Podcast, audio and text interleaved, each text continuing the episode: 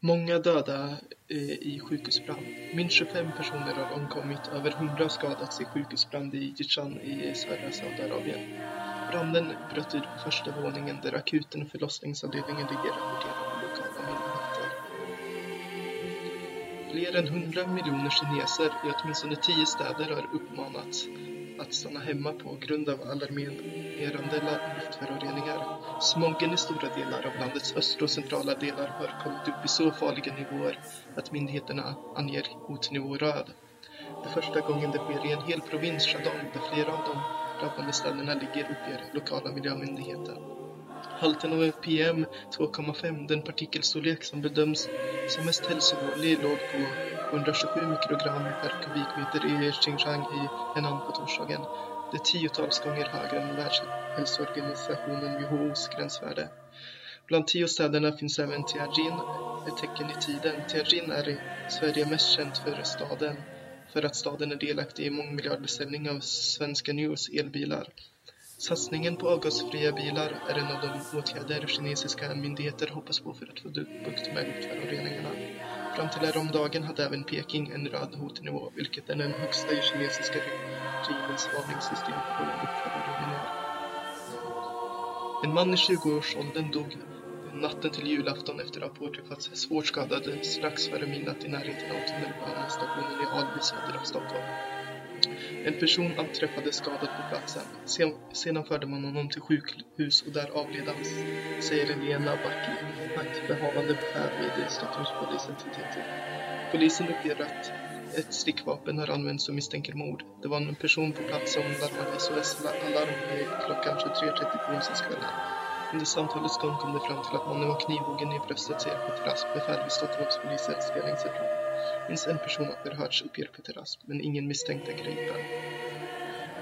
Terrororganisationen Boko Haram är nära att besegras. Det enligt Nigerias president Muhammadu Buhari.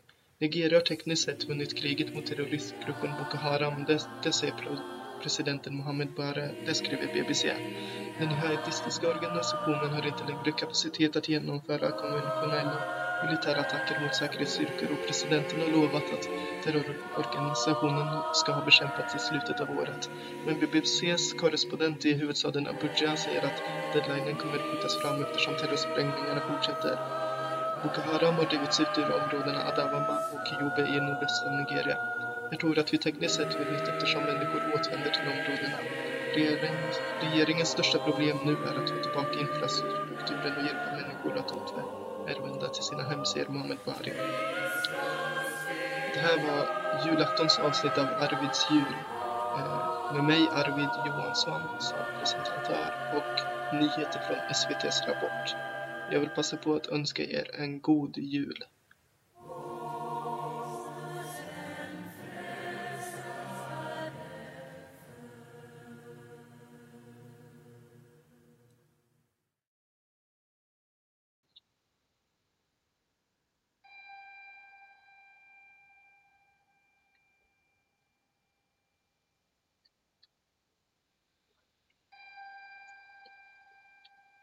Hej igen. Jag funderade på om dagens, det sista avsnittet, bara skulle vara den här kopian av Seven O'Clock News av Simon Garfunkel. Några kanske kände igen det med Stilla natt och nyhetsprat. För jag, jag tycker att det fångar upp så mycket av eh, julen och av vår värld. Ehm, den låten faktiskt. Idag när jag skriver ner det här, som jag säger, och spelar in det här så är det julafton. För ungefär en månad sedan så kom jag på idén att ha en julkalender. Syftet var att via alla mina vänner sprida en härlig känsla nu i juletider. Jag är ganska nöjd med den idén. Eh, alla som vill lyssna på sina vänner tvingas dessutom att lyssna på mig när jag dummar mig. Vilket jag tycker är väldigt kul. Men dagens avsnitt får bli annorlunda. Eh, bitterljuvt har jag valt att kalla det. Det är en, trots sitt namn ändå, en känsla jag gillar.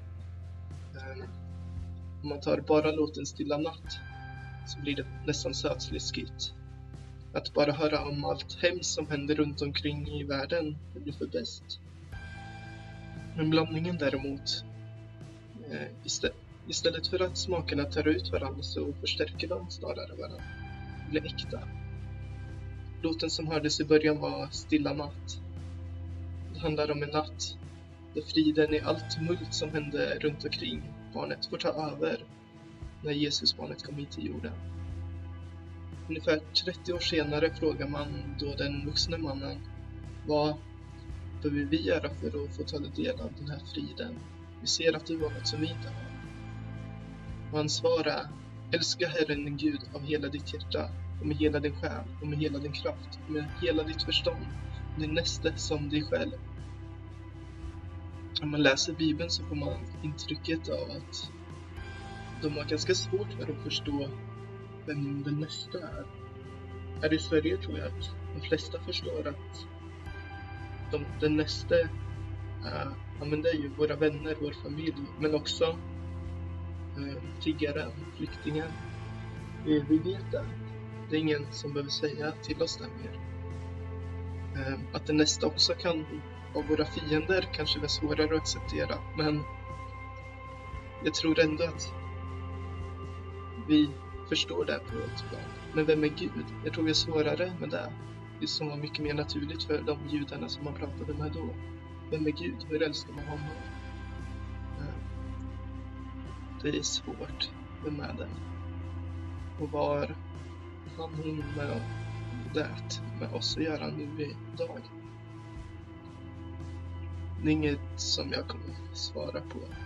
Men jag tror att det är Jesus, det tänker jag försöka svara på. Jag vet inte om jag lyckas i en sann bild, men det jag tror Jesus menar att säga är att om vi bara försökte bry oss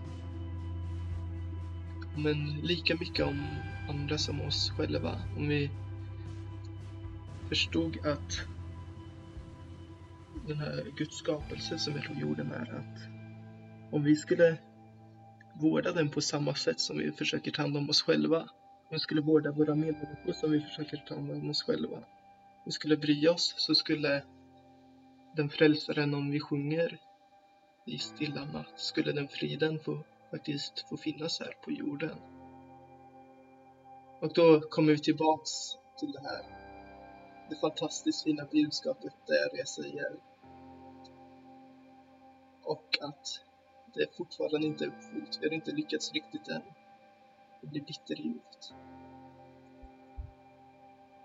Men med de här orden så vill jag säga God Jul och lycka till med att göra jorden bättre. Det är ett uppdrag som inte bara är på julen kan jag säga.